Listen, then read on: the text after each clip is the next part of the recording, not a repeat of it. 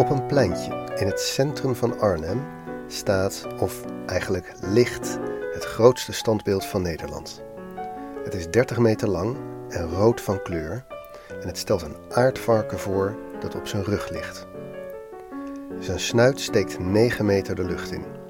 Je kan er makkelijk bovenop klimmen en dat doen dan ook veel kinderen. Een aardvarken is geen varken. Zijn snuit lijkt een beetje op een varkenssnuit, maar het is geen nabije familie van het boerderijvarken. Eigenlijk zeg ik ook liever de aardvark dan het aardvarken. Zo heet hij in het Engels, wat ze dan weer hebben geadopteerd uit het Afrikaans.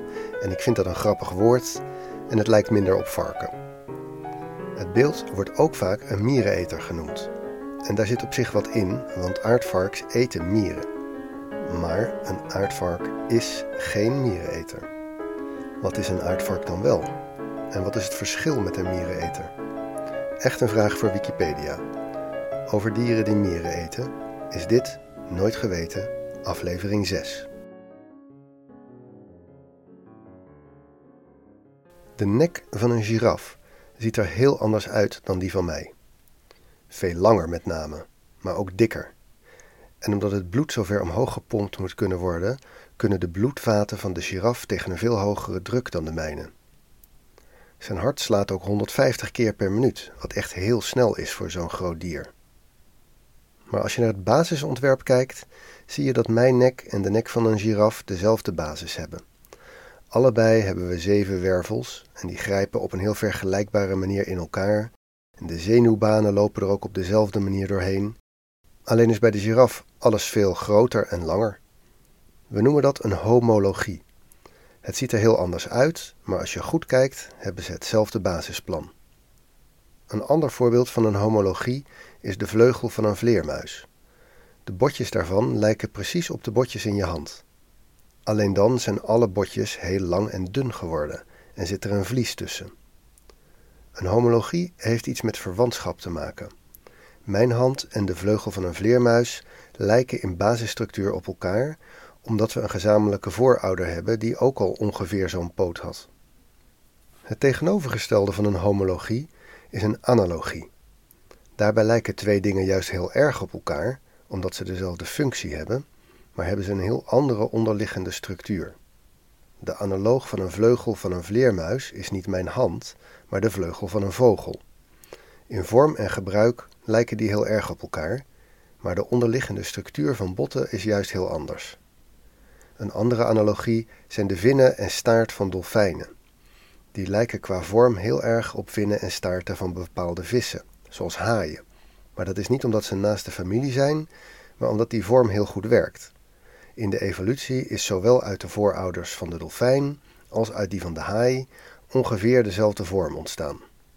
Dit wordt ook wel convergente evolutie genoemd. De evolutie heeft meerdere keren dezelfde oplossing gevonden. In deze aflevering over aardvarks en miereneters gaan we beide, homologieën en analogieën, tegenkomen. Puzzel je mee? De miereneter en de aardvark zijn beide ongeveer de maat van een hond, met een lange, slurfachtige snuit en een lange staart. Het eerste linkje in de show notes laat een plaatje zien met een aardvark en een miereneter. Kijk er anders even naar. De miereneter heeft geen tanden. De aardvark bijna niet. Ze leven allebei van mieren en termieten. Ze hebben allebei een heel lange, extreem kleverige tong. Die van de aardvark is ongeveer 30 centimeter lang. De miereneter heeft van zijn tong echt een superpower gemaakt. Hij heeft een soort flexibele worm van ruim een halve meter als tong. Allebei hebben ze heel sterke voorpoten met enorme nagels, waarmee ze een termietenheuvel kunnen openbreken. Ze hebben ook allebei een heel bijzondere maag. Er zitten namelijk spieren omheen. Ze kunnen mieren en zand en kleine steentjes zonder kauwen doorslikken en daarna maalt deze maag de mieren fijn met het zand. Dit lijkt heel erg op wat vogels en reptielen hebben. Daar heet het een spiermaag.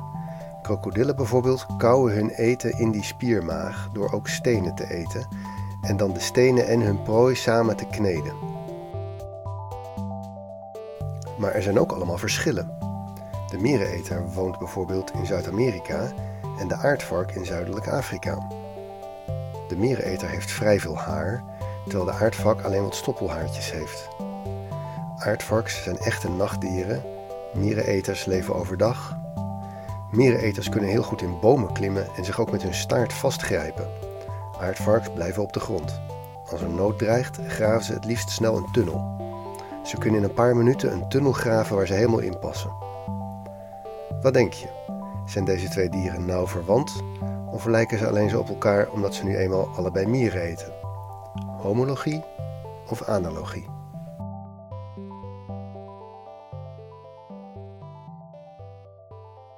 Taxonomie is het deel van de biologie waarin we proberen alle soorten in hokjes in te delen. Tegenwoordig wordt dat gedaan op basis van evolutionaire verwantschap.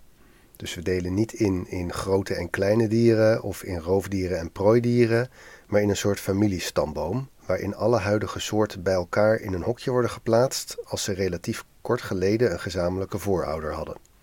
Dus de gorilla en de mens zitten samen in een vakje waar het konijn niet in zit. Omdat er dus een oeraap was waar mensen en gorilla's wel allebei van afstammen, maar konijnen niet. Dat vakje noemen we de orde primaten. En alle primaten zitten samen met de konijnen in een groter vak, waar de kikkers dan weer niet in zitten. Dat vak heet de klasse van de zoogdieren. Mensen en konijnen hebben een gezamenlijke voorouder, een oerzoogdier, dat niet een voorouder is van kikkers. Op zich wel een bekend verhaal, denk ik. Maar als je dus wilde weten of bijvoorbeeld die spiermaag die aardvarks en miereneters allebei hebben, of dat een analogie of een homologie is, dan moet je weten hoe erg verwant die beide soorten aan elkaar zijn.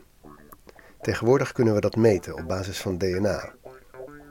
Je bekijkt het DNA van de miereneter, de aardvark en nog een heleboel andere dieren en op basis van de gelijkenissen kan je hun stamboom terugrekenen. Vroeger hadden taxonomen het een stuk lastiger. Ze moesten op basis van gelijkenissen proberen in te schatten welke dieren verwant waren. Juist bij analogieën ging dat natuurlijk wel eens mis. Want dat zijn per definitie gelijkenissen die juist niet komen door een verwantschap. Daarom ging men er eeuwenlang vanuit dat de aardvark en de miereneter tot één familie hoorden, samen met luiaards en gordeldieren.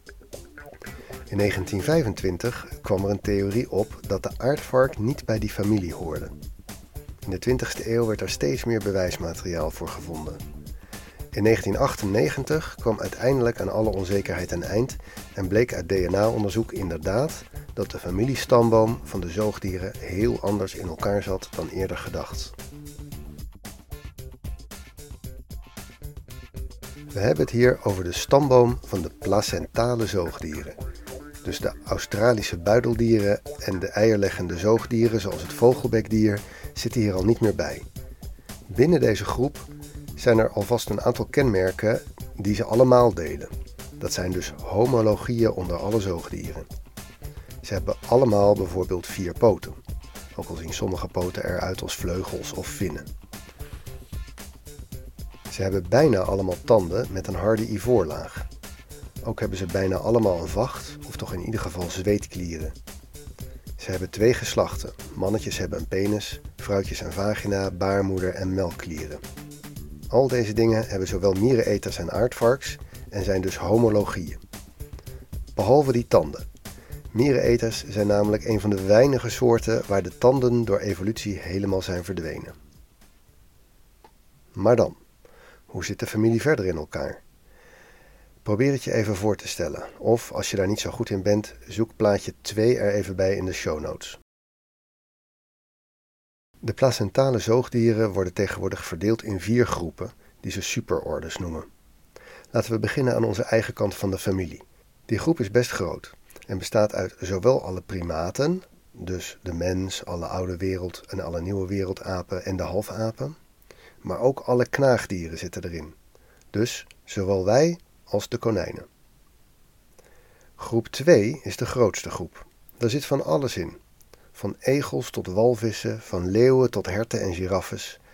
Varkens, koeien, neushoorns, tapiers, vleermuizen, schubdieren.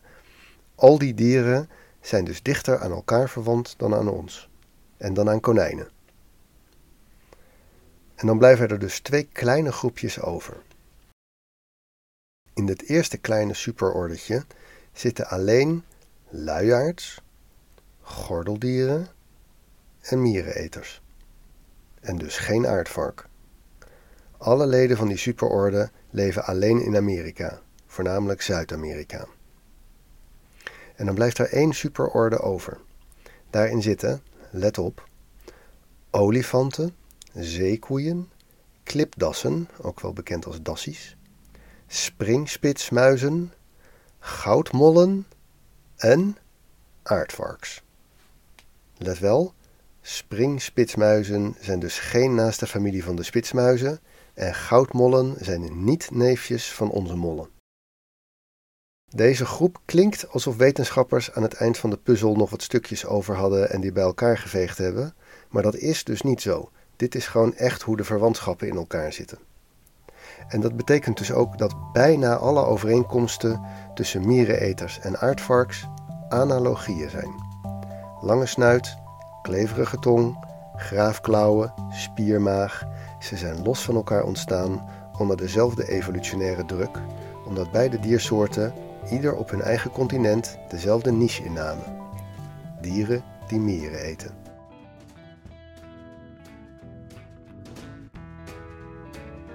Dit was een aflevering van Nooit Geweten. In de show notes vind je links naar verschillende Wikipedia-lemma's waarop deze aflevering gebaseerd is. Alle muziek die je hoorde is gespeeld, geproduceerd en soms ook gecomponeerd door Kevin MacLeod. Links naar alle stukken vind je in de show notes. Research, productie en presentatie door mijzelf, Teun Duinstee. En natuurlijk door al die duizenden die bijdragen aan Wikipedia. Nooit Geweten is beschikbaar op alle grote podcastplatforms, zoals Spotify en iTunes. Als je wilt helpen, laat daar dan een review achter. Voor vragen of opmerkingen heb ik tegenwoordig een Twitter-account. Apenstaartje Nooit Podcast. Helemaal aan elkaar. Als je graag een donatie wil doen, doe dat dan aan de Wikimedia Foundation, de stichting achter Wikipedia.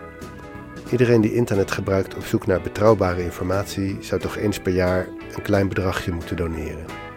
Het is een donatie aan jezelf.